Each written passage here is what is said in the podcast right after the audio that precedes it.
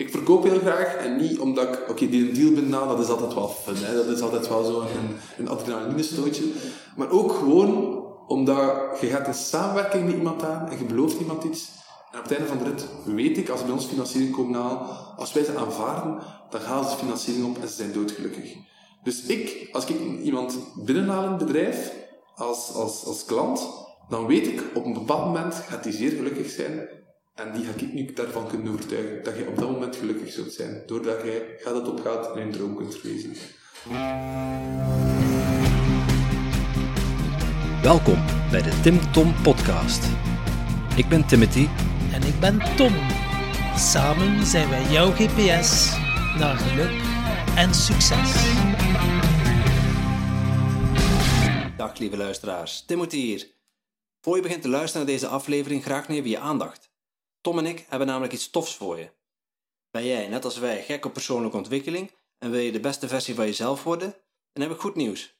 Speciaal voor jou hebben we onze beste leestips en onze mooiste inzichten samengevat in een handig e-book. Surf snel naar www.timtompodcast.com om jouw gratis PDF te downloaden. Welkom bij alweer een nieuwe aflevering van de Tim Tom Podcast. Jouw GPS naar geluk en succes. Topondernemers zijn hot in België.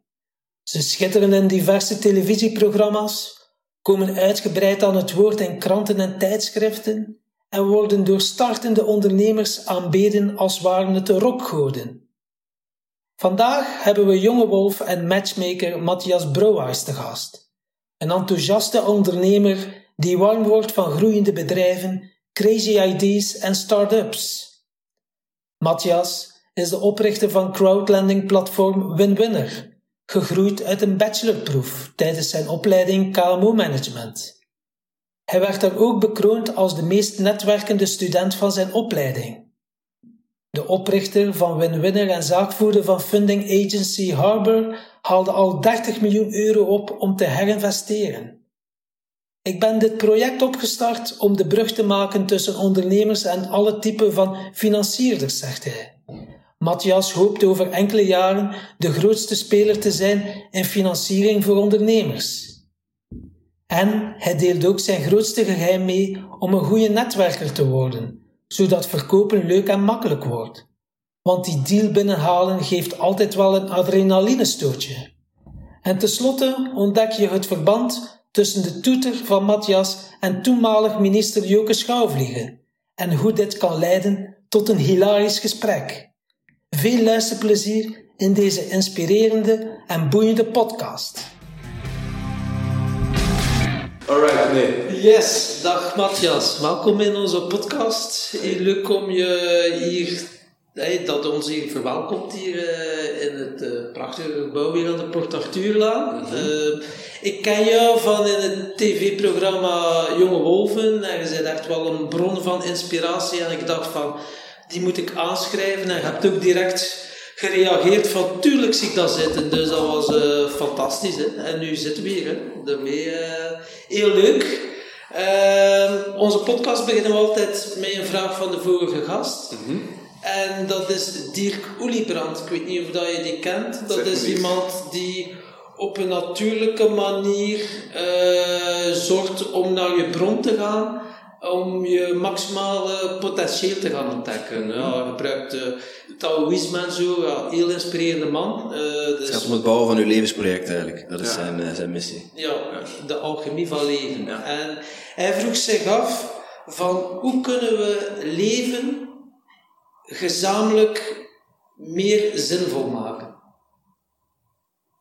Dat is de vraag. Ja, Chew on it. Hoe kunnen we leven gezamenlijk meer zinvol maken? ja. Goh. Ehm, om daar nu zo'n kant-en-klaar antwoord op te geven, is niet evident. Hè? Ik denk, ja, de vraag is een beetje van, oké, zinvol voor, voor mij of voor een groep mensen of voor de, ah, of voor de samenleving of voor de planeet en. Laten we, laten we het opbouwen, hè. laten we beginnen bij jezelf. Ja, ik denk... ehm, Hoe, geef, hoe geef jij je leven zin? Ja, ik denk dat mijn leven, vooral als ik, als ik opsta en als ik, als ik echt wakker word, dan zeg ik van oké, wat, ja, wat staat er vandaag de planning? En dan kun je twee dingen doen. Ofwel naar je agenda kijken wat je de dag ervoor gepland hebt, of waar je heel veel goesting hebt en dat gewoon doen. Uh, jammer genoeg uh, wordt je vaak in het eerste geduwd. Hè, je agenda pakken en kijken wat je gepland hebt. Maar dat is niet altijd waar je zin in hebt. En ook hey, word je soms een beetje geleefd. Um, waardoor dat, alleen ik zelf persoonlijk echt en dan plant je eigen blokken in, waar dat je die zelf kunt gaan invullen, waar je die dag misschien creativiteit voor hebt, of die dag goesting voor hebt. En, en, die probeer je dan ook in te plannen naar, naar, zaken dat ik echt wil gaan doen. Um, om daar misschien wel voorbeelden te geven. Um, gisteren had ik uh, een moment dat we allemaal van thuis moesten werken, gelijk dat we vandaag moeten doen. En mijn vriendin was mij, we werkten met twee staan aan de keukentafel. Dat werkte zeer goed, maar ik had mijn voorgenomen van ik zit hier al hele dagen binnen, al heel de week, want het is niet zo top weer. Um, ik wil eigenlijk gewoon een keer gaan wandelen in het bos. En ik woon in Gent, waar niet zoveel bossen zijn, maar toch eentje opgezocht, met een auto daar allemaal naartoe gereden. Maar een uur gaan wandelen heeft mij eigenlijk echt heel veel deugd gedaan. Uh, dus niet dat daar dan uh, nieuwe ideeën of zo moeten uitkomen, of dat daar bepaalde vraagstukken die, die op mijn leven liggen, dat die moeten opgelost worden, maar gewoon even los van alles zijn. En dat was heel tof om dat samen met twee te doen. Um, en dat geeft op dat moment, heb ik mij een uur gepland dat voor mezelf was, maar langs de andere kant ook niks van verplichting had. Uh, het is niet dat ik iets moest doen op dat moment. Ik zei van oké, daar heb ik nu zin in. Uh, en om misschien een ander voorbeeld te geven, um, een tijdje geleden um, was mijn verjaardag en dan vroeg iemand van waar heb je nu zin in? En heel veel mensen denken dan van ah, we gaan iets gaan drinken of we gaan iets gaan eten. En toen had ik gezegd van ik zou heel graag nog een keer naar Sea Life gaan in Blankenbergen. Ja. Omdat ik, ik word daar rustig van en gelukkig van om levende beesten in het water te zien. En die was helemaal van, allee, Sila, allee, op uw verjaardag ga je dat doen, allee, is, dat nu, is dat nu tof? Ik zei, ik heb daar, we zijn daar twee uur geweest. En ik heb daar eigenlijk bij een uur bijna gekeken naar die ja, zeehondjes die zo in dat water op en neer gaan en, en eigenlijk gewoon niet stilzitten. Ik vind dat heel, vond dat heel fascinerend. Ja, dat, is, dat heeft mij zalig, gelukkig gemaakt op dat moment. Terwijl dat helemaal niet gepland was. Um, maar dat is voor mij, denk ik, zo een beetje een moment voor jezelf inplannen, dat, dat je onverwachte dingen doet die op, op dat moment rustig zijn, zonder verplichting. Dat is voor mij waarom dat ik af en toe... Ja, uh, dus kan ik het dan zo zien dat je echt wel blokken maakt in je agenda, me-time, en dat je dan ziet de moment zelf wat dat je gaat doen? Maar vroeger, vroeger deed ik dat absoluut niet. En het is eigenlijk door zelf wat in gesprek te gaan met mensen die mij coachen die zeiden van, je moet oppassen eigenlijk dat je niet te veel je leven laat plannen. En nu zeker met het hele jonge wolvengedoe is het, hè, je moet van links naar rechts gaan, uh, gaan optreden. Geen wat heel leuk is, dat wat ik absoluut heel graag doe. Maar wat ik wel merk is dat als ik op het einde van de dag thuis kom, dat ik op ben en dat ik eigenlijk niet aan mezelf gewerkt heb of niet aan mezelf gedacht heb. En ik ben iemand die op zich heel veel mensen rondom mij ook gelukkig wil maken. Ik zeg op heel veel dingen ja. Vroeger toen ik startte, was mijn quote, ik zeg op alles ja en kijk wat het mij... De yes man. Ja, wat het mij oplevert. Um, en heel veel opportuniteiten. Maar vandaag gaat dat gewoon niet meer. En ik ben nu echt mezelf aan het trainen om gewoon me-time te doen. Wat eigenlijk niet simpel is, want toen ik een paar maanden geleden mezelf vroeg van, oké ja, ben ik gelukkig als ik alleen ben met mezelf? Hè? Kan ik daarvan genieten? Was eigenlijk het antwoord nee. Oké. Uh, omdat ik nooit dat echt deed. En ook niet merkte van waarvan zijt je gelukkig als je, of met, met wat zijt je gelukkig, wanneer je gelukkig als je alleen bent met jezelf. En dat was eigenlijk heel moeilijk om daarop te antwoorden. Dat wil niet zeggen dat ik, dat ik ongelukkig was, maar ik kon niet zeggen van wow, dit doe ik nu een keer heel graag alleen. Waardoor ik daar wel aan het werken ben. En door eigenlijk van die momenten in te plannen en ook niks te gaan zeggen van dit moet u doen, maakt dat je dat zelf aan het ontdekken bent. Ja, ja. ja, ze zeggen ook wel eens dat me-time ervoor zorgt dat je je bijnieren uh, terug oplaten. Ja. En ja, lange termijn alleen maar gaan, gaan, gaan, dan zijn je zelf aan het uitputten. En het ding is, ja, ik, kan ook heel, heel veel energie halen uit um, met mensen op stap gaan of gewoon iets, iets bijvoorbeeld een vriend van mij wil verreizen, ben ik de hele dag mee gaan verreizen. Wel, dat is leuk om dat te doen en daar haal ik ook heel veel energie uit. Maar het is wel, het mag niet altijd in functie van iemand anders zijn. Soms moet ik hier in functie van jezelf denken. Dus dat is eigenlijk inderdaad iets te leren. Maar ik merk wel dat het daardoor mijn batterijen wat meer opgeladen zijn. Dat ik, als ik dan weer een performance moet gaan geven, dat ik wel volle energie heb. En dat ik niet denk van, de zoveelste. Of ik zal maar nog een keer even een masker opzetten om te knallen. Nee, uh, gewoon dat het de ene, uh, ene flow is dat, dat, dat werd. Dus dat is voor mij persoonlijk dan, als je zegt van de vraag om, uh, ik ben nu zijn naam kwijt, Tom. om daarom, om Tom, uh, nee, maar de, de man die Ah, ja, ja, Dirk, ah, ja, ja, uh, als Dirk zijn antwoord. Persoonlijk is dat Ja. voor mij heel belangrijk. Maar dan om de samenleving te gaan bekijken, goh, misschien zou ik dan wel holde termen gebruiken als uh, verdraagzaam zijn, zorgen dat je in het verkeer niet als er iemand u voorbij stikt dat je zwaar begint te toeteren, maar dat je zegt van oké, okay, happens. Uh, Zo'n die zaken, misschien wel wat situaties dat ik meemaak is um, ja, een beetje geduld. Eh, als, als mensen een beetje geduld, eh, meer geduld hebben. Um, ik merk dat, dat rondom mij ook heel veel mensen gestrest zijn. Um, heel veel mensen willen heel veel dingen snel gedaan krijgen. Wat ook goed is, hè, want ik ben ook iemand die, die, die vooruit wil. Maar ook de situaties ontsnapt. En, bijvoorbeeld, ik krijg nu heel veel ondernemers binnen die, die, heel, die mij gezien hebben op tv en die zeiden van, ah, ik wil heel snel uh, met jou samenzitten, ik wil heel graag snel financiering krijgen. Maar ik heb ook maar 24 uur in de Ja. tijd en mensen zijn soms heel vaag. Hè. Ik heb een fantastisch idee, kunnen we, kunnen we een uur samenzitten? Maar een uur op de 24 dat ik heb is, is, is langs de ene kant kostbaar, maar los van, van het geld is ook gewoon, ja, ik kan niet, niet elk uur energie geven aan iedereen zonder dat ik daar heel weinig voor terugkrijg. En zonder dat ik heel goed weet wat mij gaat opleveren. Dus het uur wat je weggeeft, neem je af bij jezelf. Ja. Voilà. En als iemand niet 100% duidelijk is wat hij precies wil gaan bespreken of wat hij wil bereiken, vind ik dat heel moeilijk om te zeggen van, ja, ik ga je dat uur gunnen. Ehm, en ik krijg echt heel veel berichten op Facebook, LinkedIn, van die verzoeken van, kunnen we eens samen zitten? En, ik zou dat allemaal, en, en mijn, mijn, mijn aard zegt van, ja, ik wil dat allemaal doen. Maar ja, ik heb nu een planning gemaakt voor iemand die het dan wel goed uit uitlegt. En ik zei van, ja, het zou eerder eind november zijn. En die was wat in Noord. Ja, zo van, ah, echt? Dat ik zoiets heb van, ja, maar heb een beetje geduld, weet je. Ik wil tijd voor u maken, ik ken je idee niet 100%. Ja, sorry dat het misschien wel doorgeschoven is, maar dat kan ik u geven. Zet daar mee content alsjeblieft. Met maar kunnen we niet, kunnen we niet sneller samen zitten? Kunnen we niet, kunnen we niet al even bellen? Nee, dat gaat niet. Ja, ja, ja. En dat geduld, allee, dat is niet mijn situatie, maar dat zie ik gewoon heel veel. En, dat, wordt dat vind ik een beetje jammer. Soms moet je gewoon een situatie ook een keer begrijpen met anders. Ja, ik kan me wel voorstellen, ja, leg het heel duidelijk uit dat het ook geen boek moet zijn. Dus eh, liefst op een A4'tje waar dat heel helder en concreet is uitgelegd, om je contact te kunnen hebben. Ja, en dat klinkt misschien heel arrogant hè, met contact hebben, maar ja, het is gewoon zo, we zitten op een materie, ja, geld op aan voor bedrijven, dat zeker in deze coronaperiode een, een, een gevoelige materie is, hè, want de bedrijven zijn om altijd de rekening te maken. Ja, dan moet het inderdaad snel gaan. Ik begrijp dat ook. Ehm, maar we kunnen maar zo maximaal mogelijk doen. En dan vind ik, allee, we hebben een, een format gecreëerd waar mensen bij ons heel laagdrempelig wel kunnen binnenwandelen, en we willen er nog altijd zijn. Ehm, maar wij zijn een van de enigste partijen die ze op zo'n laagdrempelige manier helpt. Dan, ik zou het niet erg vinden moest er morgen een concurrent bij van spreken bijkomen die ook een deel van het maatschappelijk doel, die ondernemers gaan helpen, ook mee uit, helpt. In plaats van ja, de enigste partij te zijn waar iedereen naartoe gaat. Eh, nu, ja, dat is eh, een mooi bruggetje van eh, waarvoor kunnen mensen bij jou terecht? Wat doe je precies? Ik had iets gelezen, crowdlending. Maar in het algemeen halen wij financiering op voor bedrijven. Er zijn verschillende soorten van financiering. Maar mijn doel is altijd geweest van een ondernemer heeft een droom. Een droom, dat zet hij al om in een bepaald doel dat hij wil gaan bereiken. Voor dat doel om dat te bereiken heeft hij geld nodig. In heel veel gevallen ondernemers. En dan gaat hij ofwel dat geld bij zijn eigen gaan halen, ofwel gaat hij extern gaan kijken. Ja. En extern gaan kijken betekent al in de afgelopen jaren en, en, en decennia is naar de bank gaan. Maar op vandaag is dat de enigste manier hè, dat mensen in hun hoofd hebben. Hè, ik heb geld nodig, ik ga naar de bank.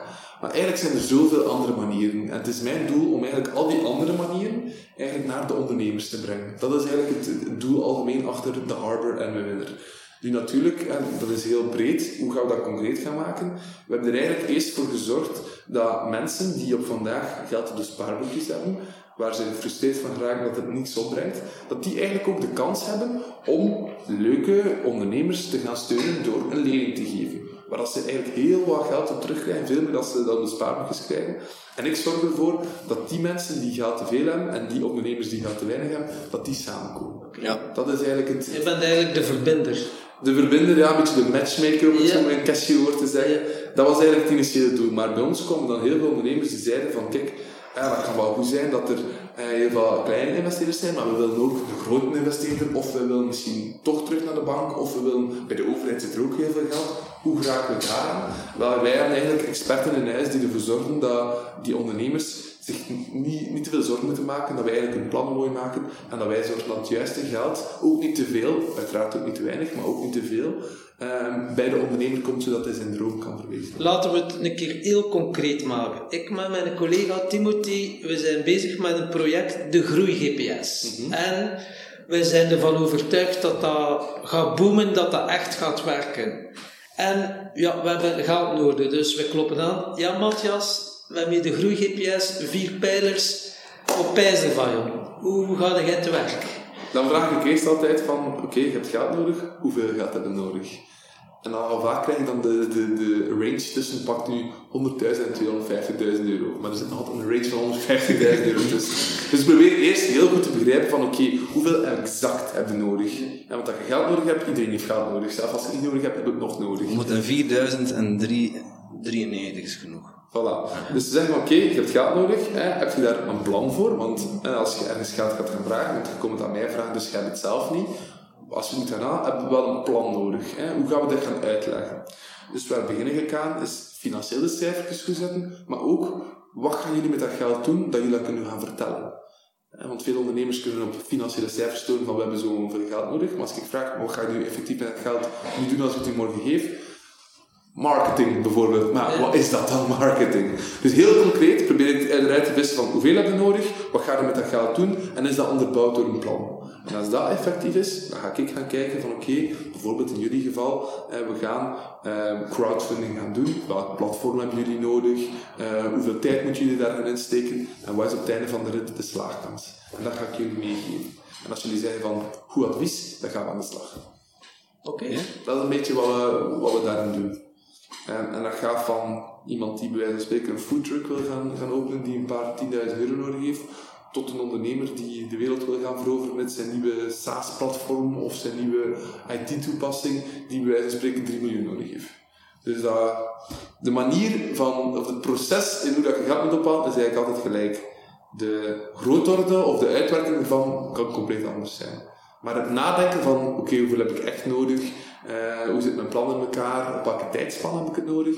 Dat is eigenlijk altijd hetzelfde. Dus jij gaat echt wel gaan voelen en gaan onderzoeken van, kan dat lukken of niet? En op basis van dat ga jij beslissen van, oké, ik ga geld bij inbrengen of niet. Ja, en ook, ja, kan dat lukken, is vaak ook, kan de ondernemer ons overtuigen. Want bijvoorbeeld, allee, gisteren was ik in een HR-bedrijfje aan het kijken, met alle respect, ik ken heel weinig van HR. hè. Ik ben net 27 geworden, wie ben ik om uit te leggen hoe HR in elkaar zit. Maar als die persoon mij kan aantonen aan de hand van de studies dat hij gedaan heeft, of de interviews dat hij gedaan heeft met klanten, dat er wel effectief een markt voor is, ja, dan kan ik dat wel geloven. Maar als hij mij niet kan overtuigen, als ik met mijn bitter weinig kennis van HR eigenlijk al bepaalde zaken doorprik en vragen stel waar ik tegen antwoord kan geven, ja, dan ga ik dan niet naar investeerders gaan. Dus het moet wel een overtuiging in zitten. En beslis je alleen of gaat het altijd overleggen met een team?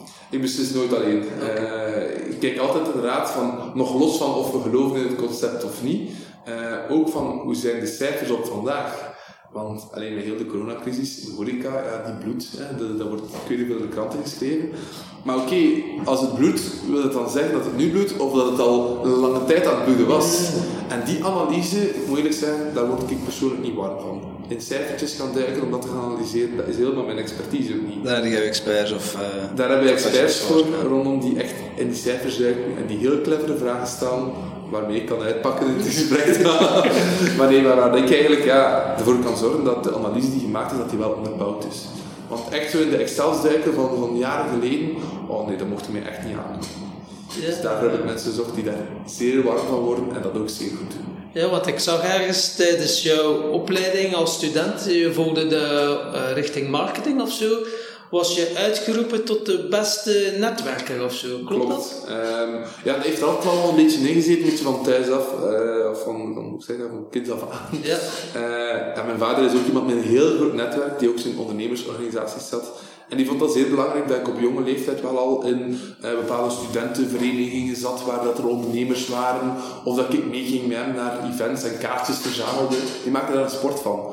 En ja, ik heb dat altijd wel wat gehad. En ik vind altijd, ja, u, de kracht van uw bedrijf is zo sterk als de mensen die er rondom zitten en die erin zitten. En ik heb eigenlijk van, van echt heel in het begin als student ja, gedurfd om bepaalde grote CEO's aan te spreken. Ik ben ooit, een heel ding, ben ooit bij het begin van winter ben ik eh, in de, toen dat, en nog altijd, toen dat onze huidige minister nu, al huidige premier, eh, De Kroon, in Brakel is gedaan burgemeester. Ik ben van Ah, dus nou. dat is niet ver. Dus dat heb ik gedaan. Ik kwam spreken over eh, mijn idee. Dus ik ben eigenlijk gaan zitten als, eh, via iemand die in Brakel woont, heb ik zo'n eh, een eh, ticket bemachtigd om zo de dinsdagavond zijn zitdag te kunnen gaan bijwonen. Maar we mochten enkel mensen van Brakel zijn. Dus ik had via iemand een ticket bemachtigd. Ik heb de hele avond gewacht tot meer dan mijn vijf minuten aan de beurt waren. Ik mocht in zijn kantoor gaan, dus ik heb samen hem gezeten. Ik heb het uitgelegd. Ik heb hem ook eerlijk toegegeven dat ik er niet mocht zitten. Maar hij vond dat zo sympathiek, waardoor hij in één keer met tien heel belangrijke mensen in contact heeft gebracht, waardoor mijn business gewoon als student echt wel naar boven is gegaan. En ja, natuurlijk, Zot, die ja. van harte vallen vond dat fantastisch dat ik dat gedurfd had. Maar ik had daar ook helemaal geen schrik voor. Ik had iets van, oké, wat heb ik te verliezen? Ik kan mij na één minuut buiten stoppen, maar hij heeft dat niet gedaan. Dus ik heb niets verloren daaraan. En dat is voor mij netwerken. is niet enkel het goed kunnen uitleggen op een event of daar de juiste trucjes weten. is ook gewoon weten wanneer dat je iets kunt doen en het dan gewoon ook doen. Te Ja. En bijvoorbeeld bij netwerken, eh, dan denk ik eh, aan een elevator pitch dat ik wel heb.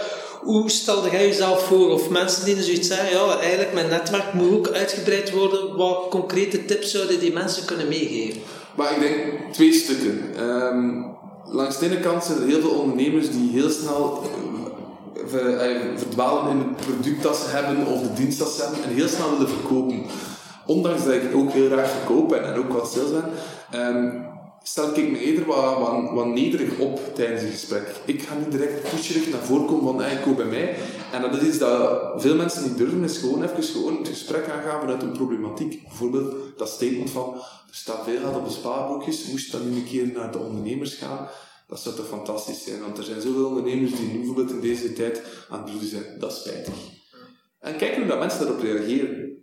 Beter als je dan zo het gesprek aangaat, door je gewoon problematiek op tafel te gooien en vragen naar iemand anders zijn mening, is veel krachtiger, de connectie is veel krachtiger, dan te zeggen van, ja, ik ben Matthias, eh, ik doe crowdlending, we hebben een platform, je kunt erop staan, de opstart kost 1500 euro. Zijn er nog vragen? Ja, ja en dat is, dat is een heel probleem. Ehm, en zelfs nog, al, ik geef heel veel presentaties en ik doe ook heel veel pitchcoaches, eh, of, of eh, coachsessies voor mensen die ja, voor investeerders moeten gaan presenteren. Ehm, en dan is het ook kwestie van eigenlijk een verhaal te gaan vertellen. En niet je onderneming te verkopen, maar een verhaal. Je neemt ze mee een verhaal. Ik heb ooit een ondernemer gecoacht die eigenlijk de problematiek van vrachtwagens aan het oplossen was, die eigenlijk leeg aan het rondrijden waren. En dan had hij een foto genomen op een brug, diezelfde dag, eh, dat was de 1.19, foto met zes vrachtwagens. Toonde dat op zijn eerste slide, en die vroeg aan de mensen van, oké, okay, ken je dat gegeven? Veel vrachtwagens in het verkeer. Ja, iedereen, ja, ja. En dan toonde hij een, een, een, ehm, eh, op elke vrachtwagen een soort van vierkantje erop met zoveel procent is hij vol. En dat was inderdaad gemiddeld is een vrachtwagen rond de 50% vol. Dat betekent dat ja, de helft leeg is. Er of twee is leeg eigenlijk. ja, en dan zegt hij van, kijk, ja, aan die zes vrachtwagens hè, zijn, er, zijn er minstens hè, drie leeg die naast je rijden. En we zijn allemaal bezig met onze ecologische voetafdruk. Wat vinden jullie daarvan? Ja, En dat is een vreemd. die zei van, "Ja, ik vind het eigenlijk wel erg. Ik heb er nog bij stilgestaan. En je hebt de mensen mee. Ja. En op die manier, ah, dat was een zo'n krachtige en dit keer van, ja, staat die brug. Je moet ook geen stokfoto gaan nemen met van die vrachtwagens die ik weet schoon eruit zien. Nee, gewoon op de 119, staat erop, trek een foto. Sowieso, als je één foto trekt, staan er sowieso al drie, vier vrachtwagens op. En op die manier, ja, hebben mensen mee in een verhaal. En dat is, dat is leuk, en dat moet je doen. En je moet niet direct uitleggen van... Of soms, wat ik ook heel ambetant vind, als bijvoorbeeld... En dat is ik nu ook met die jonge wolf, ik ga er een paar keer naar refereren, maar bijvoorbeeld... Ah ja, ken de matchas niet, dat is die van mijn winner. En dan staat in de groep. Ah, mijn winner, wat doet dat dan? Ja. Daar heb ik echt geen lust in. Oh, dat doe ik echt niet graag. Gewoon omdat dan zo van, ah ja, ik zal maar nog een keer uitleggen, ik zal maar naar voren komen, dat vind ik helemaal niet leuk. En dat wil niet zeggen omdat ik niet on the spot verkoop, dat ik daar nog in een netwerker ben. Maar dat is meer, ik, de connectie met mensen in een netwerk is veel belangrijker. Want eerlijk gezegd, als jij mij tegenkomt en je zegt wat je doet, ben dat binnen 10 seconden vergeten. Ja, je weet, ook alleen- niet, en meer- je weet ook niet meer wie Tom is. Ja. Ja, Dat is echt wel zo connective selling uiteindelijk. voilà. Ja. En het ding is, je linkt dan op LinkedIn en dan krijg je de vraag achteraf van, hè, ken je die persoon? Geen flauw idee. En dat is eigenlijk jammer, hè. Eigenlijk is dat jammer, ja. Ik heb heel lange tijd met LinkedIn alleen mensen geaccepteerd die ik effectief kende, maar ja, op een gegeven moment, dat is niet vol te houden natuurlijk. Nee. Nee. En ik, ik merk wel dat de manier van, van netwerken voor jou eh, ja, anders is dan, dan ik van andere mensen en andere gasten al gehoord heb. Ehm, zo echt business cards uitwisselen op een netwerkevent, dat is minder aan jou besteed, denk ik. Maar ik denk, ik heb hier een hele doos met allemaal business cards. Eh, het enige dat zal onthouden is het logotje van het bedrijf dat er misschien op staat, als het dan een bekender bedrijf is. Maar namen of dat die mensen eruit zien, nee, absoluut. Business cards, we hebben er ook heel mooie, maar ik deel ze eigenlijk amper uit. Ehm, als ik iemand business wil doen, of in een professioneel netwerk hebben, dan ga ik daar wel een, bepaalde connectie hebben. Ja. En dan zou die wel een keer een berichtje sturen. Hè? Of we zouden die inderdaad on the spot, als we weer samen zitten en ik kan iets voor betekenen, ja, dan moeten we geen twee weken wachten. Oké, let's do it now. Ja, actie. Ja, je wilt met iemand in connectie doen? Wacht, ik ga hem al bellen. Zo ben ik. Ik vind dat, ik vind dat de max. Mensen verschieten altijd. Ah, je wilt met mij? Wacht, ik ga bellen, ik zal je dat doorgeven. Wacht, hè, bel iemand. Hier, wacht, ik ga me dat direct door. Mensen verschieten. On the spot. Maar als je het niet doet, dan ah, ik zal het dan nog een keer achteraf doen. Ja, maar dat stapelt dat zich op ook, hè. Ja. Natuurlijk, dat staat het zo op en je vergeet dat. En eerlijk gezegd, wie wint daar iets bij? En hoe zorg je ervoor, zo als je zo op een eh, event bent, hoe zorg je ervoor dat mensen nu niet vergeten? Uiteindelijk, heb je daar zo trucjes voor, hè? Dus ja... eh, Ik ben een zeer enthousiast. Eh, misschien nu, maar toch is het misschien iets rustiger. Ja, ja, ja, maar- maar ik ben, ik ben een zeer enthousiast. En ik, ik vind het heel leuk om met mensen te connecteren, los van hun business. En wijze van spreken aan de tafel waar de catering ligt, mopje te maken. Ja. Of, of wat te doen, of, of soms echt iets in belachelijke te trekken. En dat schept wel, dat schept wel een band. Veel mensen ey, ik krijg heel de bijnaam van Mr. Simpatico altijd. Hè, altijd ik ben heel vaak heel goed gezind. eh, en zeker op, op zo'n netwerkevent, als je daar de, de, de saaie eh, Piet uithangt Ja. en, en heel nors tegen iedereen, ja, dan ga je nooit vrienden maken. Ik maak heel snel vrienden. Ik heb ook persoonlijk een heel grote vriendenkring. Daarom niet mijn beste vrienden, maar mensen onthouden me wel als degene die toch een hoekje af is. Ja. Het is niet dat ik daar speciaal voor iets doe, maar ik merk dat mensen... Jezelf zijn, ja. Ja, ik, ben, ik merk wel dat mensen dat onthouden. Ja, ja, maar het, is, het werkt wel aanstekelijk. Uw energie gevoeld dat dus direct zo... Ja, dat is echt wel die positiviteit. Dat is wel... eh, Ja, en, en dan merk ik zo, allee, steek mij niet op een netwerkevent met mannen allemaal in een pak die, die over de conjunctuur in Griekenland bij wijze spreken. Dat interesseert mij, dat interesseert mij minder en ik ga daar ook niet, ik kan niet zo lang geconcentreerd zitten. Ja, ik moet er, en bijvoorbeeld, er is één, kan de, de naam niet noemen van welke event dat is, maar er is altijd een nieuwjaarsreceptie van één grote partij, dat echt enkel de financiële mensen naartoe komen. En het hele walhalla van de financiële mensen in België is daar. Ik was daar de enigste in een t-shirt en een uh, slonderbroek met misschien een gat in. Eh, ik werd er ook bekeken. Maar langs de andere kant hebben we nu wel zo'n naam opgecreëerd. als we er een hart, dus iedereen weet wel wie dat we zijn. En het leuke eraan is dat mensen toch aangetrokken zijn daardoor. Ja, ja, ja. Hè, dat ze niet de man in het blauwe pak gaan eh, benaderen, maar als ze zeggen... Ah, Je de witte raaf, ja. Ja, je je doet het toch wel een beetje op een andere manier. En dat vind ik leuk. Dat is wel en dat tof. durf ik. Ja. Eh, maar sommige mensen vinden dat al heel gedurfd. Als ik dan zo vertrek, dan denk ik, "Maar gaat dat toch niet aan doen? I don't care. Ze zijn al snel geneigd om zich dan aan te passen, maar ja, als je op die manier kan opvallen. Ik pas me niet graag aan. Nee, daarom. Gewoon jezelf zijn en eh, ja, dan val je uiteindelijk automatisch op. Nee, want dan, als ik me moet aanpassen, ja, dan kun je ook gewoon niet jezelf zijn. En als ik mezelf niet kan zijn, dan ga ik die netwerken niet leggen, ga ik me niet kunnen amuseren. En dan hebben we het weer over het aspect van, heb ik mijn tijd geïnvesteerd in iets dat ik niet leuk vind. En als ik het dan business-wise ook niets uitkrijg, Ja, want uiteindelijk je hebt altijd drie soorten mensen. Hè. Je hebt mensen die nu de max vinden, mensen die dan niks van u vinden en mensen die nu een klootzak vinden. Maar Ja. als je je dan gaat aanpassen aan die groep mensen die nu een klootzak vinden, heb je terug drie soorten mensen. Mensen die nu de max vinden, dus je kunt beter 100% jezelf zijn. Nee, dat is zeer goed gezegd. Dat ik nog niet... eh, Ja, nee, maar dat is zo. Ik kom op onze scheurkalender. ja. Nee, maar je hebt daar, je hebt daar, je hebt daar zeker gelijk in. Je hebt daar zeker gelijk. En ik weet ook dat er heel veel mensen zijn die mij niet moeten hebben. Ja, die, die dat erover vinden ook vaak. Eh, Dus dat weer zo, met zijn flauwe moppen. ja, of, of is te energiek als ik een, als je zo'n pitchcoach eh, sessie geef, ja, dan, eh, ja, dan zitten we hier beneden op een stoel, dan staan we recht, dan proberen we opnieuw. En als het niet goed is, dan bullshit, dat klopt niet. Oh, oh, oh, oh. Mensen vinden dat soms heel direct, maar bijvoorbeeld, ik hou heel veel van de Nederlandse cultuur. Hè. Ik ga heel veel naar Nederland, ik ben zot ook van Rotterdam, gewoon van de mensen die daar rondlopen. Maar die directheid, dat probeer ik hier in het bedrijf ook binnen te krijgen. Eh, als het niet goed is bij iemand van de collega's, dan ga ik het ook direct zeggen. En dan verschieten ze soms. Ik had gisteren een sollicitatie met iemand, Allee, een, een zeer capabel persoon, maar ja, ik vroeg ook, heel grappig, hè, ik vroeg ook, wat zijn uw loonsverwachtingen? En dan begon die, ja, ik verdien zoveel. Ik zeg, oh, stop. Ik zeg, ik kan me niet schelen hoeveel je verdient. Ik zeg, wat zijn die verwachtingen? En die was heel, heel. En, maar dat is, ik vraag, hey, ik wil weten wat je verwacht van, van dit. Ik wil, ik wil niet weten hoeveel dat, wat kan mij dat schelen wat die, wat die andere personen betalen. Dat, dat ben ik niet, dus ik ga me er ook niet aan aanpassen. Ik zeg, wat, wat verwachten en gaat dat matchen met gelijk ik Ja. voor u wil doen. Dat Lekker direct en concreet. Ja, het zal Voilà. zijn. Anders, allee, je kunt dan hier gesprekken hebben, je kunt een, een kennistest gaan doen, dat is allemaal goed en wel. Maar als je niet op de verwachting van hetgeen dat je wilt verdienen samen zit, ja, dan moet je dat niet doen. Ja. Ja, tijdverspilling. Ja. Ja, dat is pure tijdsverspilling. Dus ja, dat is gewoon die directheid die erin is. En veel mensen zeggen van, oh, ik vind dat leuk, ik wil dat ook. Ja, ik kan dat wel smaken, maar ik ben zelf een Nederlander, dus ja. Ah, voilà. ik, ik, ik, krijg, ik krijg dat ook vaak als feedback, maar dat is, ja, voor mij is dat, ja, dat is wel een mooi streven om dat in de bedrijfscultuur eh, te doen. En is het dan niet moeilijk om dan terug hier in, eh, in België dat te doen? Ik, ik pas me ook niet aan, zeg. Maar Ja, krijg mensen- ook wel commentaar op zo. Ja, in het begin, maar mensen die mij dan wat minder kennen, die kunnen zo soms denken van, oeh, wat is dat hier? Maar dat gaat over, ja, als ze kennen. Ik vind dat ook, want het is niet dat je direct. Als je direct zit, kun je ook een heel open gesprek hebben. En, heel, Ze weten waar ze aan toe zijn, hè? Ja, voilà. en, en dat maakt het gewoon leuk. Ja, en door ook direct te zijn en open te zijn en jezelf te zijn, trekt het de juiste mensen aan. Weet je, dan mensen dan u toch maar energie eh, uit te zuigen, ja, die maken dan toch geen contact. En Nee, dat is eh, bijvoorbeeld ook, allee, als mensen achter geld komen vragen, dat is echt niet realistisch.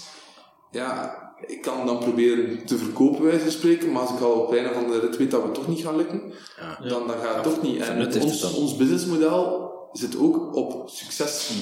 Als je succes haalt Ja, met die, ja, dat, dat geld dan een, ja, oké, ja, ja. dan verdienen wij daar ook geld aan. Dus dan moet ik wel eerlijk zijn. En dat zeg ik ook. Van, kan ik u nu begeleiden en we gaan wel een uurtje factuurtje doen, maar algemeen voor die paar duizend euro omzet extra, dat maakt mij niet. Ik zeg op het einde van de rit wil ik op de krant staan met u, met zo'n smaal, een ding, ik heb zoveel geld daarvoor doe ik het. En dan snappen ze wel van, oké, ja, dat, dat klopt wel. Zeg maar het kaf van het koren scheiden en hoe vlugger dat je dat kunt doen uiteindelijk, hoe meer tijd dat je hebt om te investeren natuurlijk. eh. Ja, en als, als, als mensen zeggen van oké, ja, ja, ik, ik, ik wil dan niet op die manier werken, oké, is fijn. Maar dan, hè, dan zeg ik ook van zoek maar iets anders. Dat is eigenlijk geen goede match, ja. Nee, en dat is ook gewoon goed. Er zijn veel, we zouden moeten weten met veel bedrijven dat er met klanten werken die ze eigenlijk helemaal niet tof vinden. Maar omdat ze toch geld opbrengen, ja, dat is toch een beetje jammer, denk ik. Ja, ja ik, ik had zo'n keer, eh, ik, ik volg iemand eh, eh, van de marketingpodcast en die zegt eh, dat, dat werk half of elf kan zijn. En elf is easy, lucrative en fun. En half is hard, annoying, ehm, lame en frustrating. en ja, dat je af en toe moet afvragen van, is, is het werk wat ik doe, is dat half of is dat elf? En ja, bij voorkeur elf natuurlijk. Niemand durft zich dat Easy, lucrative en fun. Er zijn heel weinig mensen die dat durven zich afvragen. Ja. Die zeggen, oh ja, maar ik zit in, wat moet dat doen? eh. en ja, ik vind als je als, als zaakvoerder bent, waar dat jonge ondernemers, als we daar bewust van zijn, dan gaat het bedrijf dat je creëert, zal misschien niet zijn voor de lange termijn. Ja, maar je wilt dat- niet weten hoeveel mensen dat er op pensioen gaan als zelfstandigen, die kapot gewerkt zijn, voor klanten die ze eigenlijk niet tof vinden. Ja, dat is een soort molensteen eigenlijk, hè. Ja, Dat had het meest leeft, ja. En dat is, dat is jammer, hè, want je hebt je eigen bedrijf, je kunt zelf bepalen waar het naartoe gaat. Uiteraard moet er geld te verdienen zijn, ding. maar je moet zelf bepalen hoe dat je bedrijf eruit ziet. En toch ga je werken voor mensen die je eigenlijk niet leuk vindt. Dan denk ik van, oké, ja, dan zoek je misschien een, een, een job waar je niet zelfstandig bent, maar dat je misschien wel weet van, dit vind ik echt leuk. Ja, ja maar die medewerkers voelen dat ook. Absoluut. Die dragen diezelfde steen mee, ja. ja. Ja, of zelfs misschien met je medewerkers dat wel heel tof, maar jij als, als zaakvoerder niet. Maar jij bent wel verantwoordelijk dat die elke dag ook gemotiveerd zijn om wat te doen. Ja, hoe ga je dat doen? Dus ik vind het belangrijk dat je werkt voor, voor, voor zaken die je, die je leuk vindt. En soms, allee, ik, ik, ik ga niet pretenderen dat ik elke dag eh, elke ondernemer de max en zo. Eh, of dat ik elk idee... eh, maar wat ik wel belangrijk vind, is dat op het einde van de rit, dat ik genoeg tijd heb ingestoken voor dingen dat ik echt graag doe. Bijvoorbeeld dit, dit doe ik fantastisch graag. Op het podium staan voor een school, moet ik nu volgende week, volgende week vrijdag moet ik eh, op een podium staan voor kinderen uit het middelbaar, die waarschijnlijk nog nooit van financiering hebben gehoord, gehoord laat staan wat ondernemerschap ver van hun bed is. Maar toch heb ik mezelf uitgedaagd om een heel leuke presentatie te maken, zorgen dat die kinderen geïnspireerd, maar ook heel blij bij te komen. Verdien daar geld aan? Nee, absoluut niet. Is dat iets dat op vandaag direct ook eh, impact gaat op mij als persoon? Nee. Maar vind ik dat leuk? Ja, dat is Maar ja, dus dat heeft het, week gekleurd heeft het op die manier wel een heel grote impact. Ja, maar als persoon is het niet dat dat ik nu zeg maar ga bijleren, of, maar heb ik iets gedaan dat ik heel leuk vind? Nou ja. Super toch, ja. Dus daarom zeg ik daar ja tegen. Ja, en je hebt, eh, kijk, onze Jesman kon weer naar boven zien. je hebt wel zo'n apart idee. In jonge hoven zag ik ook zo, ja, mensen, de meeste die als ze een vergadering moeten doen, die nemen een vergaderzaal. Je denkt van, waarom pak ik geen kanoboot? Ja. De kano, is er, de kano is er zeker één van. Ik heb dat gekocht ook in een hele... eh, ik woon aan het water. Hè, en, oh, ik, zag, ik zag dat zoveel, dat was, dat was warm. Ik zeg, oh, ik vind dat fantastisch. Moest er nu een keer kunnen kajakken. Dus ik heb dat gekocht. En, en ik zit er eigenlijk superveel. En niet enkel met, met, met, personeel op, dat is inderdaad wel leuk om te doen. Maar ook heel veel met vrienden die komen ah, kunnen we op de, op de, kajak. En dan zijn we een halve dag weg, of een dag weg. En dat geeft nu een toffe band. En je zit ook met niks anders bezig dan met varen. Af en toe kun je stoppen voor een pintje te gaan kopen. maar dat is ook het enige. En je babbelt echt. En wat ik dan persoonlijk vind, heel veel mensen die als we babbelen, ik doe dat wel, heel veel oogcontact, zijn heel veel mensen die dat niet tof vinden. Heel veel mensen die zo, zit op restaurant iemand, hè, zo. En dat is jammer. Maar op een kajak hoef je geen oogcontact te hebben, maar je hebt wel een heel dichte connectie, vind Ja, ik. ja zit, Want je op een of andere manier is het ja. verbonden. Ja. Voilà. Dus dat vind ik heel tof. Wat ik ook heel leuk vind, is gewoon even gewoon gaan wandelen. En dat, dat klinkt misschien uit, maar gewoon even naar buiten gaan. Hey, deze vergaderzaal, we zitten hier nu omdat het misschien wat koud is buiten, omdat we misschien wat stil moesten krijgen. Maar hier krijg ik geen creativiteit. Hier kan ik niet creatief nadenken over dingen. Hier, dit- dit- ondanks dat het eh, mijn vergaderzaal is, kan ik niet genoeg nadenken. En dat is jammer. Ook gewoon het feit dat we zitten. Kijk, ik zit alweer gekruld in de ik heb een heel slechte houding, dat weet ik. En dat komt omdat ik heel veel op mijn stoel zit, dat ik het niet tof vind. Eh, ik ben veel liever in beweging. Eh, Kunnen wij gaan staan ook, zes dat comfortabel? dat zou ik kunnen doen. Of bijvoorbeeld, ah, we hebben nu zo al iedereen stepjes gekocht van die deelsteps. Om één, omdat ze in Gent gewoon de algemeen niet lanceren blijkbaar. Maar ook gewoon twee, omdat het de max is. Eh, van de stepjes, dus we gaan eh, onder de middag gaan we naar de lijzen, up, met drie, vier stepjes naast elkaar. Dat heeft een bepaalde vibe. Ja. En ik vind dat leuk. En dan babbelen over dingen dat, dat tof zijn, dat, dat gewoon tof zijn. Het hoeft niet altijd van de vergaderzaal naar het bureau, naar de kantine, terug, naar huis, salut en tot morgen. So boring. Ja. En, en ik probeer het soms wel, eh, wel leuk te maken. Dat hoeft daarom niet. Oké, dat zijn, het is leuk omdat dat in een kajak is, maar als dat morgen een, een grote jacht is, dat misschien ook tof zijn. nee, dat wil ik helemaal. ah, dat wil ik niet. Ik zeg dat ik helemaal niet wil, maar ik zeg, eh, dat, hoeft, eh, dat is gewoon iets dat je opkomt. En, en dat vind ik gewoon tof om te doen. En zoals de, de meeste bedrijven nu, gelijk, we zijn vrijdag, hè, is dan zo, oei, we moeten weer remote, we gaan een, eh, we gaan een apero after work doen, maar dan in digitaal. Ja, wij doen dat ook. Maar wat ik bijvoorbeeld een keer doen is van, kom, gaan allemaal een keer vuil moppen. ja, sturen. We zijn, ah, we zijn een grote mannenpubliek hier. Dus dat is ook een keer rap om te doen. Iets dat we totaal dat denkt van, maar allee, snap je? We kunnen een apero doen en we dat dan saai, eh, eh, eh, hoe dat was je werkweek? Saai. Nee, Ja, er is iets ja, ja, aan een doen. beetje, En die ja. vinden dat, die dat, die dat max. Die vinden dat max. Of bijvoorbeeld nog eens, wij sponsoren de volleybal hier in Gent. Ik ken niks van volleybal. Eh waarom de volleybal? Gewoon ook een andere sport gewoon. Eh, dus wat zijn we gaan doen? We zijn allemaal toeters gaan kopen. En in de eerste match van de volleybal zaten we allemaal op de toeters, maar de deur buiten een applaus dat die volleybal vrouwen eigen. Dus dat enigste. Achter ons zat, um, noem ze, mijn schouwvliegen. Ja, ja. Zat daar. Ja, die kwam volledig zot langs de ene kant dat we met ons. Maar langs de andere kant vond hij ons zo sympathiek. Dus die heeft achteraf in ons gebouw, ah, je, wat organisatie zijn jullie? Heb heel veel verhaal kunnen doen. Ja, perfect. Ja, terwijl ik eigenlijk heel de tijd met een toeter naar zat ernaast. Doe zot, doe zot, ja. Dus, allee, snap je? En dan de, de, allee, het personeel, mag ik, de medewerkers hier vinden dat fantastisch om dat mee te doen. En dan Ja. ging de zot die dat die de kaart trekt. Dus dat is leuk om te doen. Met plezier zijn om hier te werken. hè.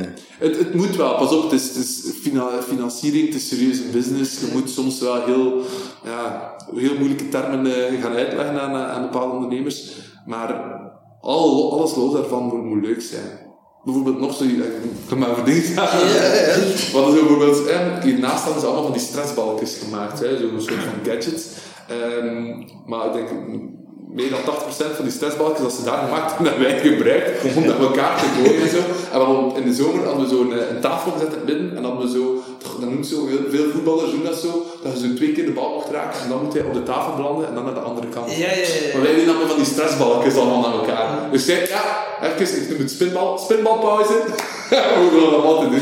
Hier in het midden van het kantoor. Vijf minuutjes, tien minuutjes, iedereen als je net die en nu mag Ja, dat zijn de dingen. Hè. En dat zijn zo van die dingen, ja.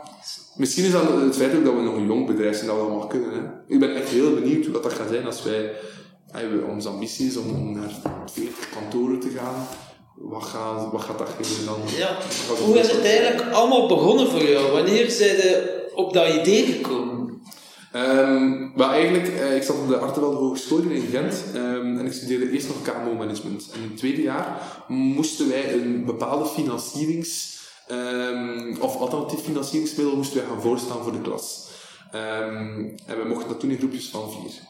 Nu, ik ga er eerlijk in zijn, ik was niet degene die altijd het meest in de les zat. Ehm, dus toen had de alternatieve... Netwerken, voor dat netwerken. Pas op, iedereen van mijn klas, als ik die tegenkom, ken ik nog. Echt waar. Eh, en dat is niet alleen maar om in de klas te zitten.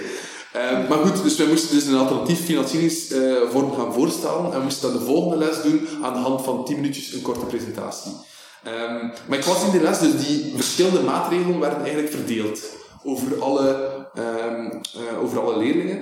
En ik was er dus niet, dus ik kreeg de win-win-leerling op mijn, eh, op mijn schotel geserveerd. Samen met drie andere gasten die wel les waren, maar goed, die waren waarschijnlijk ook niet aan opgelet. Dus wij mochten dat de les ervoor gaan voorstellen en dat was echt slecht. we hadden echt niet goed gedaan.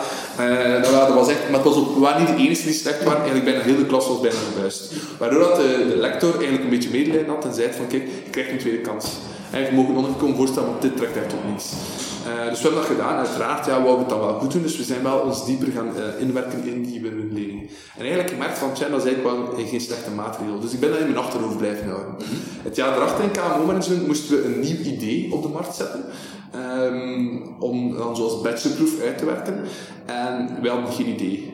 We wisten niet hoe. En dan was ik gaan denken van, kijk, ja, ik heb nieuwe winding toen bestudeerd. En ik vroeg me af, want dat was, eigenlijk liep dat dan heel hard gelijk met de tijd toen dat crowdfunding opkwam. Zei ik van, waarom kunnen we geen crowdfunding platform in België starten? Maar we mogen dat niet zomaar, en dat is een bepaalde wetgeving. Maar die bemiddeling die bestaat, laten we die gewoon gaan gebruiken. En zo heb ik dat gepitcht dan voor de lectoren. En die zeiden eerst van, wel, mijn collega's maakten t-shirts met Prins of, of die maakten een oorbel met geur aan, of die maakten een bierpakket met allemaal verschillende steekbiertjes. En toen kwam ik, ah, ik wil een platform voor de bemiddeling bouwen. Die lectoren dan zoiets van, wat wat ga je doen?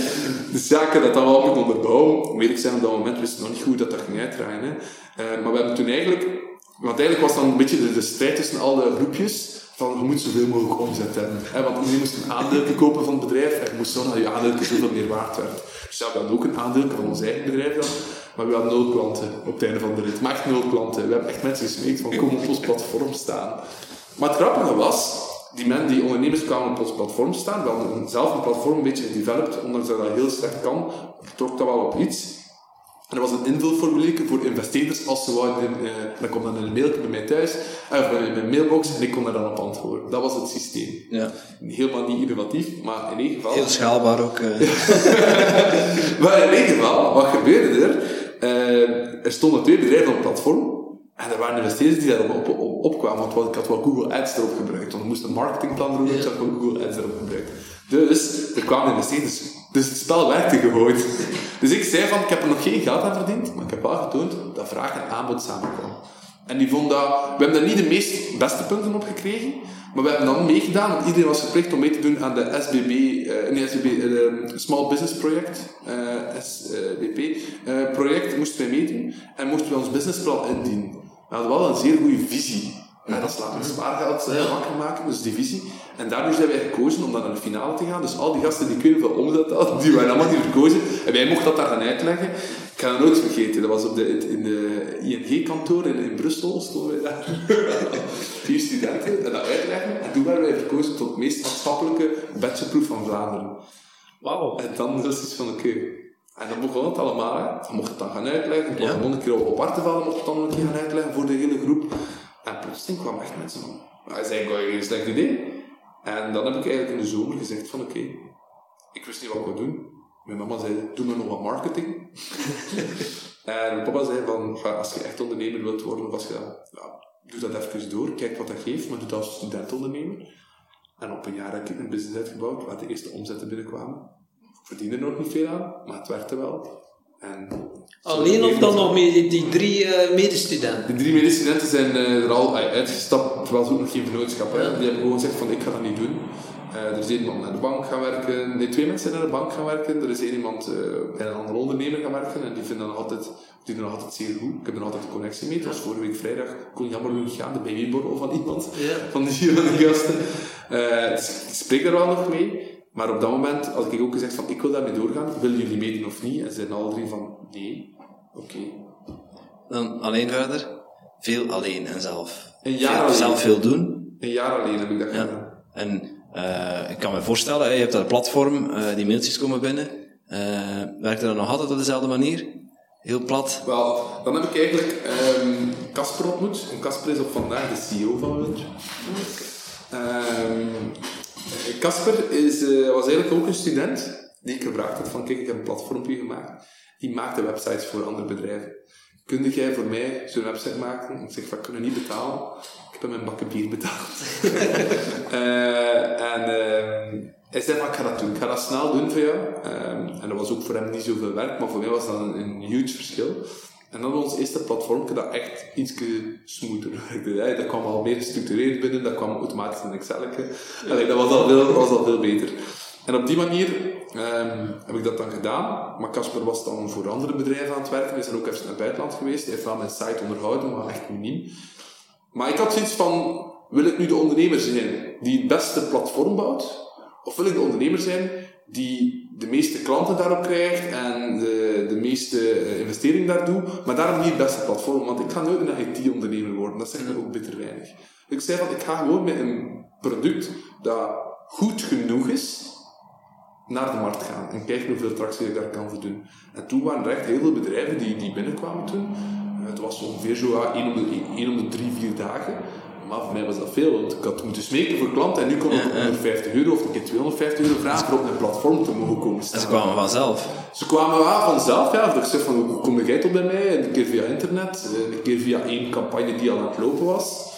En zo heb ik mijn eerste campagne ook gefinancierd. Dat was Madame Baxter hier in Gent, die student-ondernemer was. En we hebben er 50.000 euro voor opgehaald. Ik had het allemaal zelf te registreren. Dus dat was gelukt. En daardoor ehm gemerkt van, oké, als ik dit wil uitbouwen, heb ik iemand nodig die financieel sterk genoeg is en legal sterk genoeg is. En als ik een tip kan geven, naar iemand zou zoeken, dan moet je niet doen, want dan vinden je niet. Maar eigenlijk toevallig op een, eh, donderdagavond eh, in de vooruit, eh, ik had met iemand afgesproken, Abrecht stuurt mij een mailtje van, eh kunnen we samen zitten? Het is een wel interessant wat je doet. We een uurtje samen zitten in de vooruit. En dat is vier uur gebleken. En dat zijn we de week erna weer beginnen afspreken en weer. En, eh, ja, tot op vandaag is Abrecht samen en ik, we zijn evenwaardig. We zijn vernoot, alle twee, van, eh, van zowel de Winner als de Harbor. Dus dat is, eh, en dat is een goede vijf jaar geleden. En ondertussen, match. Ja. en ondertussen is het al gegroeid met hoeveel werknemers. eh, Dat is altijd zo'n vraag. Hè. Ik kreeg die vraag met sociaal secretariaat ook en ik kon er niet op antwoorden. Dus ik vond het heel schaamelijk eigenlijk. Dan dacht ik ook misschien zo'n sociaal secretariaat dat zelf moeten weten. Die kan het ook veel sneller zien. Nee, maar nu, eh, wij zitten op vandaag bij de winner, eh, zitten wij met vijf mensen, los van mijzelf Ja. en, en Abrecht. Dus vijf mensen die het operationeel doen. En op de Harvard zitten wij met elf mensen, denk ik, ja. Dus dat is 16 plus twee vernoten, 18. en wat is dan het verschil tussen uh, Win-Winner en uh, Harvard? Dus vragen, hè? Ja, dus eigenlijk, bedrijven komen achter geld vragen, die kunnen bij de, bij de hardware binnenkomen. Algemeen, we hebben geld nodig. Wij, bege- wij begeleiden ze, wij zeggen van oké, je hebt inderdaad zoveel geld nodig, en dan gaan we verschillende kanalen gaan aanspreken, en Winner is één van die kanalen. Winner is het crowdlending platform. Maar uh, hoeft daarom niet als eerste toegepast te worden. Dus eigenlijk Harbor is de overkoepelende organisatie die advies geeft en zorgt dat ze kunnen starten. En dan kunnen ze bij de Harbor naar een bank gaan, kunnen ze bij de winner gaan. Ze kunnen ook naar een ander crowdlending of crowdfunding platform gaan. Um, en de winner is een van de producten die op vandaag gewoon in, in België niet in de markt zat. En dachten, we bouw het maar beter zelf. Hè. Ja. En, en WinWinner is dan eigenlijk het platform. Ja. En, en de hardware is uh, ja, het operationele en de connectie met de, de hardware moet je zien als een ondernemer binnenkomt bij de hardware, dan heeft hij eigenlijk drie mensen die op zijn dossier zitten. Dat is een financieel analist, dat zijn echte mannen die in de Excel duiken, zo met vier schermen naast elkaar. Dat zijn de financiële analisten. De funding manager, die eigenlijk strategisch meedenkt van oké, daar moet je naartoe. En dan zit er altijd een senior manager op, die eigenlijk meer vanuit de ervaring spreekt van ook vooral de historische cijfers echt gaat interpreteren. Dus drie mensen zitten eigenlijk op het dossier. Het duurt acht weken lang. Na acht weken wordt er bepaald van oké, welk financieringskanaal ga ik gaan gebruiken. En als het blijkt dat het een winner is, dan wordt dat dossier integraal overgedragen naar een winner. Maar als dat de bank is, dan gaan wij met dat dossier naar de bank. Ja. Dus zo werkt het een beetje. Dat is een stuk advies wat ervoor zit eigenlijk. Ja, het is, het is advies, maar ook implementatie van dat advies. Het is niet enkel zeggen van het is goed of, of moet het zo doen. Nee, oké, je hebt een plan nodig, oké, okay, we gaan samen een plan maken. Dus zo doen het. En, en daar hebben heel veel ondernemers nood aan. Van oké, ik heb een klankbord nodig die financieel gewijs dan een keer doorgaat. Ze weten wel zelf ongeveer wat ze business-wise naartoe moeten gaan of veel er klanten zijn, maar om het financieel even te onderbouwen, ja, dan moet je even ja, soms wel expertise inwinnen. En jammer genoeg is de boekhouder op vandaag daar nog niet 100% toe in staat. Ik zeg niet alle boekhouders, zeker en vast niet. Maar er zijn boekhouders die op vandaag ja, geen advies kunnen geven over hoe dat ze financiering moeten gaan ophalen. Ja, en dat proactief misschien. Uh... Zeker en vast. Ja. Want nu, ja, met de hele corona, ik krijg heel veel mensen. Ik vraag heel veel aan de ondernemers die bij mij komen: van, hoeveel runway heb je nog? Dat betekent, als er morgen geen geld binnenkomt en je klanten zijn allemaal weg, wat vaak gebeurt in de coronaperiode nu, maar je hebt wel je vaste kosten nog, hoe lang ga jij als bedrijf nog overleven? Kunnen geloven dat 90% daar niet van op antwoorden? Stel, dus die weten niet, als er morgen iedereen van de markt wegvalt, hoe lang dat zij nog gaan overleven als bedrijf. Maar als je dat niet weet, dan kun je ook niet weten wanneer je geld nodig hebt. Want wanneer gaat je geld op? Als je het niet nodig hebt, want dan is het gemakkelijk. Ja. Je moet zorgen dat je het al bepaalt. Ja. En dat is zo jammer. En allee, alle respect, ik heb, ik heb een heel mooie blog nu geschreven over... Um, uh, hij staat met een horeca-expert, maar over de horeca en de crisis daarin. Maar heel veel caféhouders, bij wijze van spreken, die hebben geen zicht op hoeveel geld dat er in de onderneming omgaat.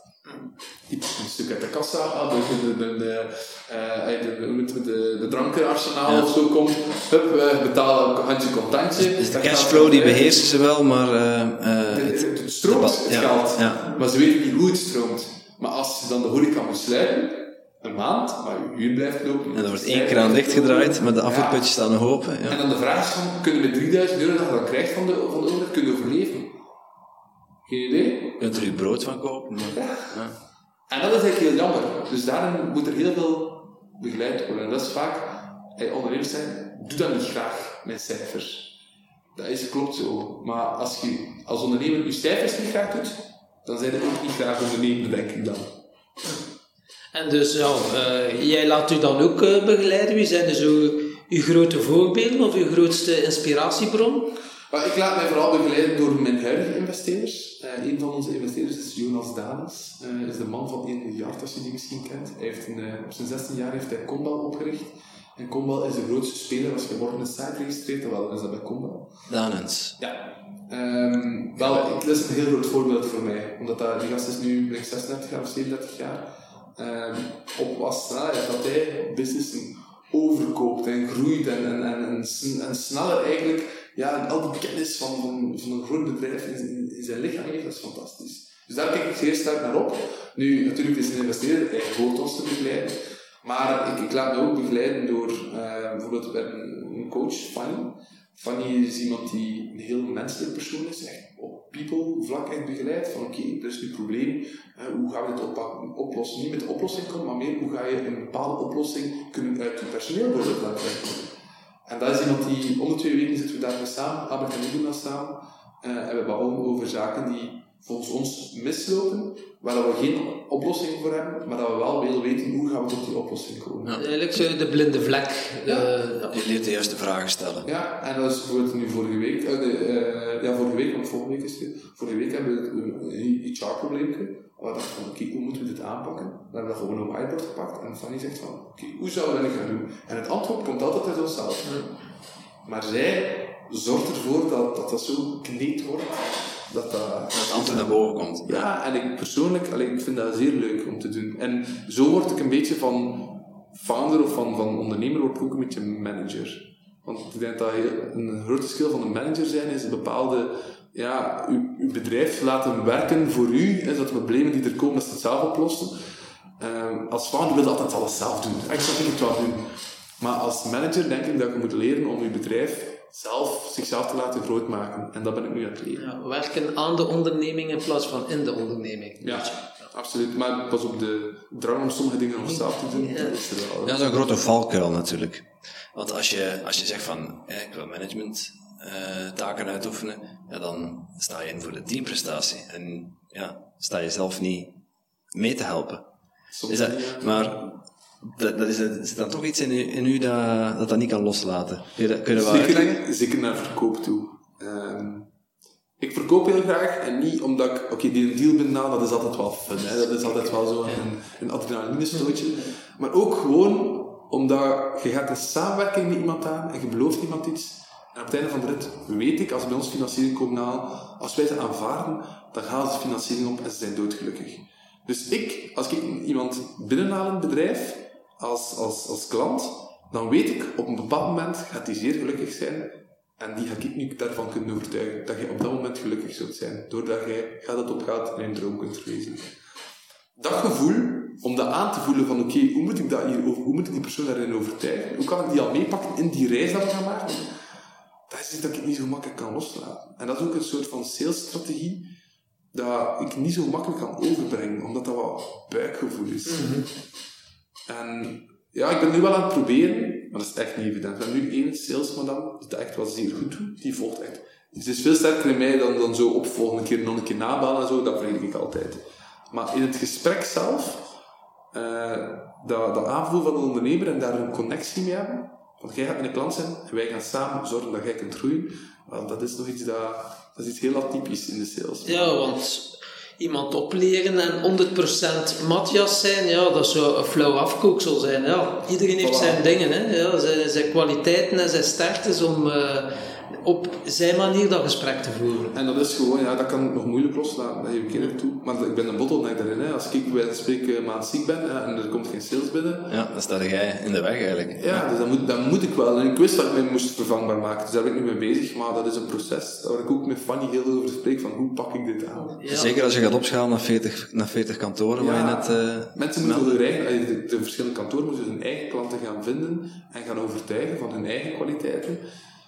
Ja, ik ga dan zien hoe we dat gaan aanpakken. Ja, ja er zullen- er zullen eh, misschien nog Matthias rondlopen met eenzelfde talent, maar die het op een andere manier aanpakken. Ja, ik geloof niet dat, dat, dat het allemaal mijn manier moest zijn, maar ik geloof wel dat er wel een bepaald DNA in het bedrijf mee zit, dat het niet platte sales mag. Ja, ja. Ik wil niet dat mensen bedrijven binnenhalen om gewoon maar een paar uurtjes te kunnen factureren. Ja. Daar hebben we weinig aan. Het, het bedrijf, de Harbor, moet staan voor op het einde van de rit geld ophalen en zorgen dat je naar het volgende niveau gaat. Enthousiasme, energie, Ja. dat moet je meekrijgen. Level. Ja, dan moet je Ja. dat geld plakken dat je meekrijgt. Oké, je hebt geld nodig, maar dan moet je blijven aanplakken. En ik, ik, hoor, ik hoor jou nu in drie rollen. Hè? De ondernemer Matthias, de, eh, de manager, maar toch ook ja, de, sales, eh, de sales doen. Ja, absoluut. Eh, als je zou moeten kiezen, wat, wat, wat, wat doe je het liefst? Het liefst doe ik, doe ik het ook puur ondernemerschap. En ehm, het manager, dat, dat wil ik leren. De sales, ik kon niet arrogant zijn, maar dat kan ik wel een beetje.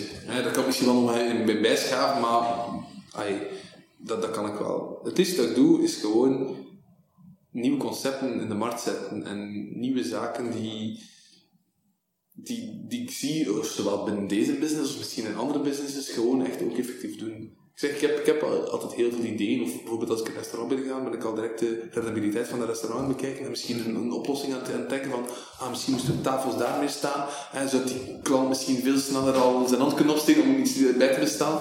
Dus probeer ik altijd zo wat te, te kijken van oké, hoe kunnen we nieuwe dingen gaan, gaan, gaan ontdekken in business. En hoe ver staat het met je plannen voor je eigen pretpark?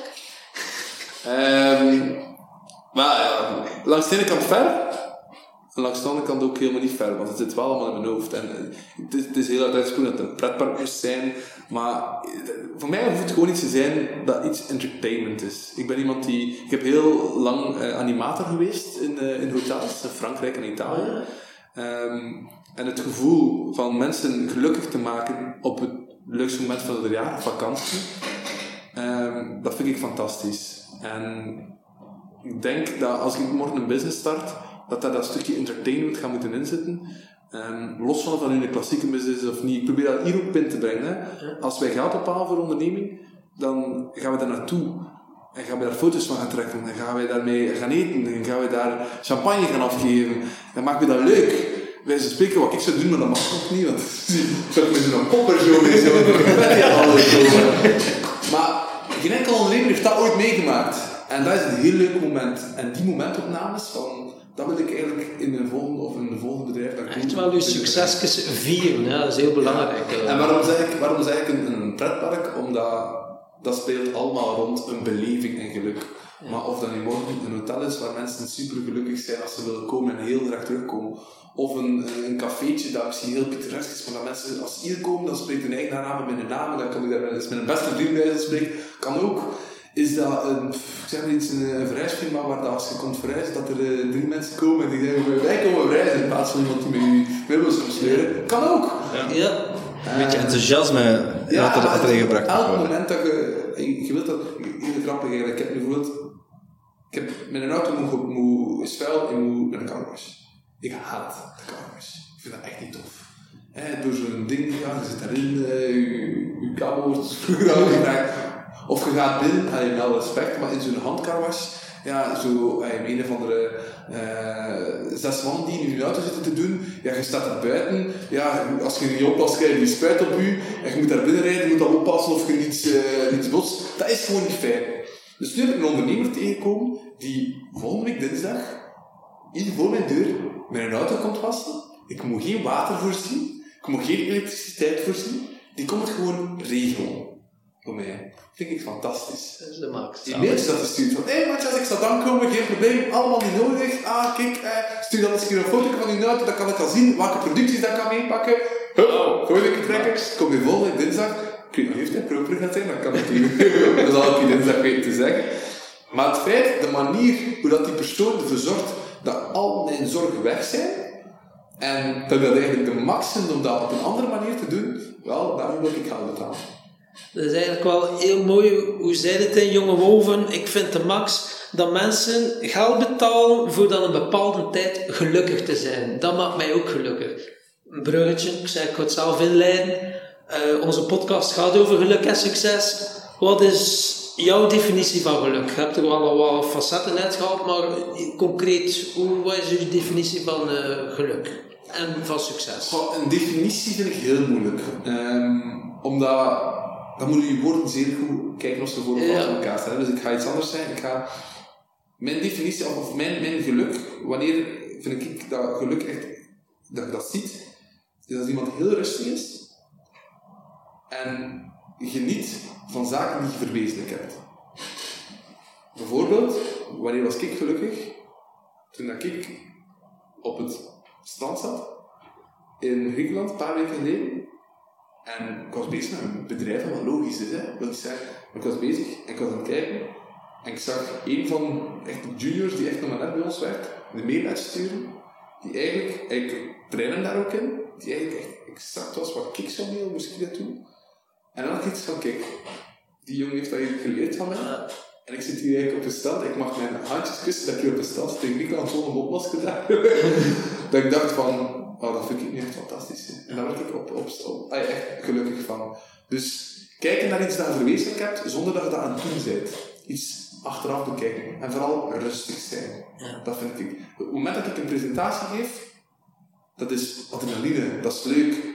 Dat maakt me wel gelukkig algemeen, maar het geluk achteraf is als mensen achter mij komen, ze zeggen van, maar je hebt het echt goed gedaan. En dat ik kan beseffen van, ik heb dat echt wel gedaan.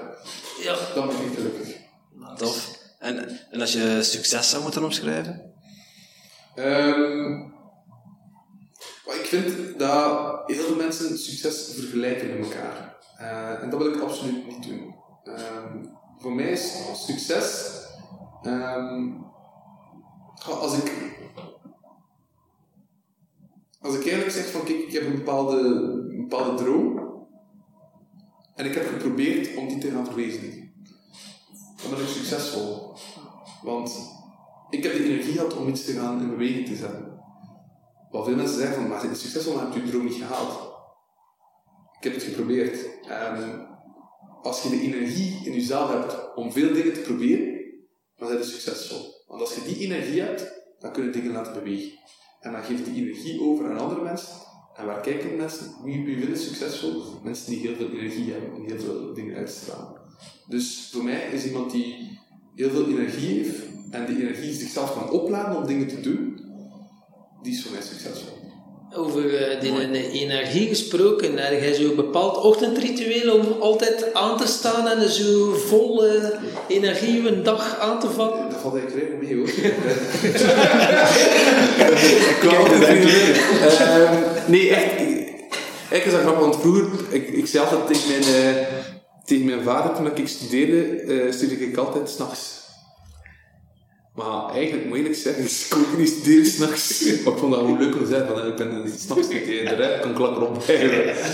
Maar eigenlijk moet ik wel zeggen, van, s ochtends ehm, ben ik niet alleen productiever, maar krijg ik ook veel betere ideeën en merk ik gewoon dat ik ehm, qua fysiek veel sterker ben. Ehm, ik kan s'avonds wel nog doorwerken hoor. Ik ben iemand die gisteravond de presentatie om 9 uur was die gedaan. Laat nog twee mails of zo. Ik zou zeker nog, mijn motor is nog aan het draaien. Maar die motor begint s ochtends bij mij. En ik zorg ervoor dat als ik start met een dag, dat ik heel goed weet van oké, wat gaat er op mij afkomen? En dat ik dat even besef. Gelijk vanochtend ook. Ik wist, oké, om 10 uur komen die twee gasten hier een podcast doen. Dat zie ik zitten. Over daarna hè, moet ik, eh, ik moet straks door, de kine eh naalden gaan prikken. Oké, wat gaan we wel helpen? Dus oké, dat komt ook wel goed. Hè, eh, in de middag een paar meetings, nog een sollicitatie. En s'avonds komt er de maat hè, die zijn verjaardag is, en die met een bubbel zit gelukkig. En dat we gelukkig zijn verjaardag nog samen kunnen vieren. Wel, als ik weet dat mijn dag er zo gaat uitzien, ondanks dat misschien die naalden mijn rug niet zo tof ga vinden, komt wel goed. En dan heb ik genoeg energie om ervoor te gaan. Dus ik ga eigenlijk even in de douche of in een auto, niet in mijn bed, want dan ben ik nog wakko als ik zo wakker ben. Maar dan ga ik gaan zeggen van, wat gaat er vandaag allemaal op mij afkomen? Eigenlijk het uh, uw dag al visualiseren. Ja, en als ik stress krijg van, oh, oh, dit zie ik, dan is het teken dat ik het ofwel niet goed ingepland heb, ofwel gewoon er niet klaar voor ben en het gewoon moet afzeggen.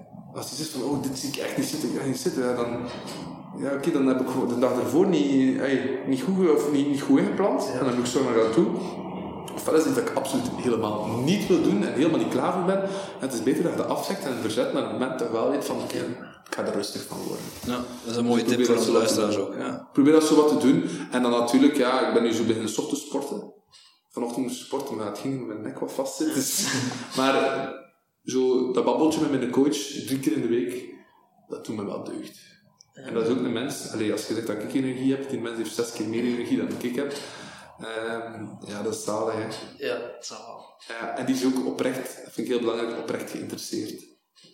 Ehm, ik, vind dat, ik vind dat heel belangrijk. Als Dat is een personal coach. Ja, maar oké, je betaalt misschien om geïnteresseerd te zijn, maar ik merk dat hij wel oprecht geïnteresseerd is. En ik vind het zo hatelijk om op kantoor toe te komen en gewoon achter je bureau te kruipen en niks te zeggen buiten een goeiemorgen. En nog op zoveel intonaties zeggen, goeiemorgen, het is maar een goeiemorgen. Dat is niks. Als je echt een connectie wilt met iemand als je op kantoor komt van, hoe is het? Hoe was het gisteren? Hoe was je weekend? Wat ga je vandaag doen? Eh, Op, geïnteresseerd zijn in iemand. En dat, ja, dat is nodig om, om zelf iemand om je energie over te dragen. Ja. En dat doet, dat doet mijn coach wel. Ja, maar En niet is... zo van, hè, hoe was die presentatie? Hoe voelde u? Hoeveel procent heb je goesting in deze training? Ja, Dat moet ook is nadenken. direct uh, check. Ja. En het percentage dat gezegd heeft een impact op heel de training. Dat moet je sowieso weten. Dus dat, is, ey, dat zijn zaken, dat, dat heeft me wel hoop, want die heeft me ook verplicht om dat ochtends te doen. Dus. Ja, je pakt dat mee voor gans uw dag uiteindelijk. Ja. Hè? Ik ben nu ook gestart, ochtendritueel, elke dag om vijf uur opstaan. Ik doe mijn oefeningen, wat mediteren, een workout. En dan kun je beginnen aan je werk en je zit gewoon eh, in de flow en je, en ja, je haalt goede resultaten uiteindelijk. Hè? Dat is, dat dat zegt van, van succes. Als ik dan na die training merk op mijn nieuwwerk van, ah, het is eigenlijk nog maar 8 uur. Ik heb al gesport en het was een goede training. Wel, dan voel ik mij heel succesvol. De hele dag al gemaakt eigenlijk. Ja, dan kun je zeggen, oké, wie op vandaag heeft er dit gevoel om 8 uur 's ochtends. Iedereen zit in de file, kijkt er om hem, of je rijdt naar de file, je weet al dat de file gaat zijn, dan zijn al op voorhand heel negatief. Terwijl, ja, dat, heb- dat heb ik niet. ja, Dat vind ik ook. max. Oké, ehm, ik, ik keek net even naar de klok, ik schrok al, eh, ik schrok mij ongeluk. Ehm het is bijna half twaalf, half twaalf is het. Ja. Ehm, heb jij nog een vraag Voor de voor de volgende. gast?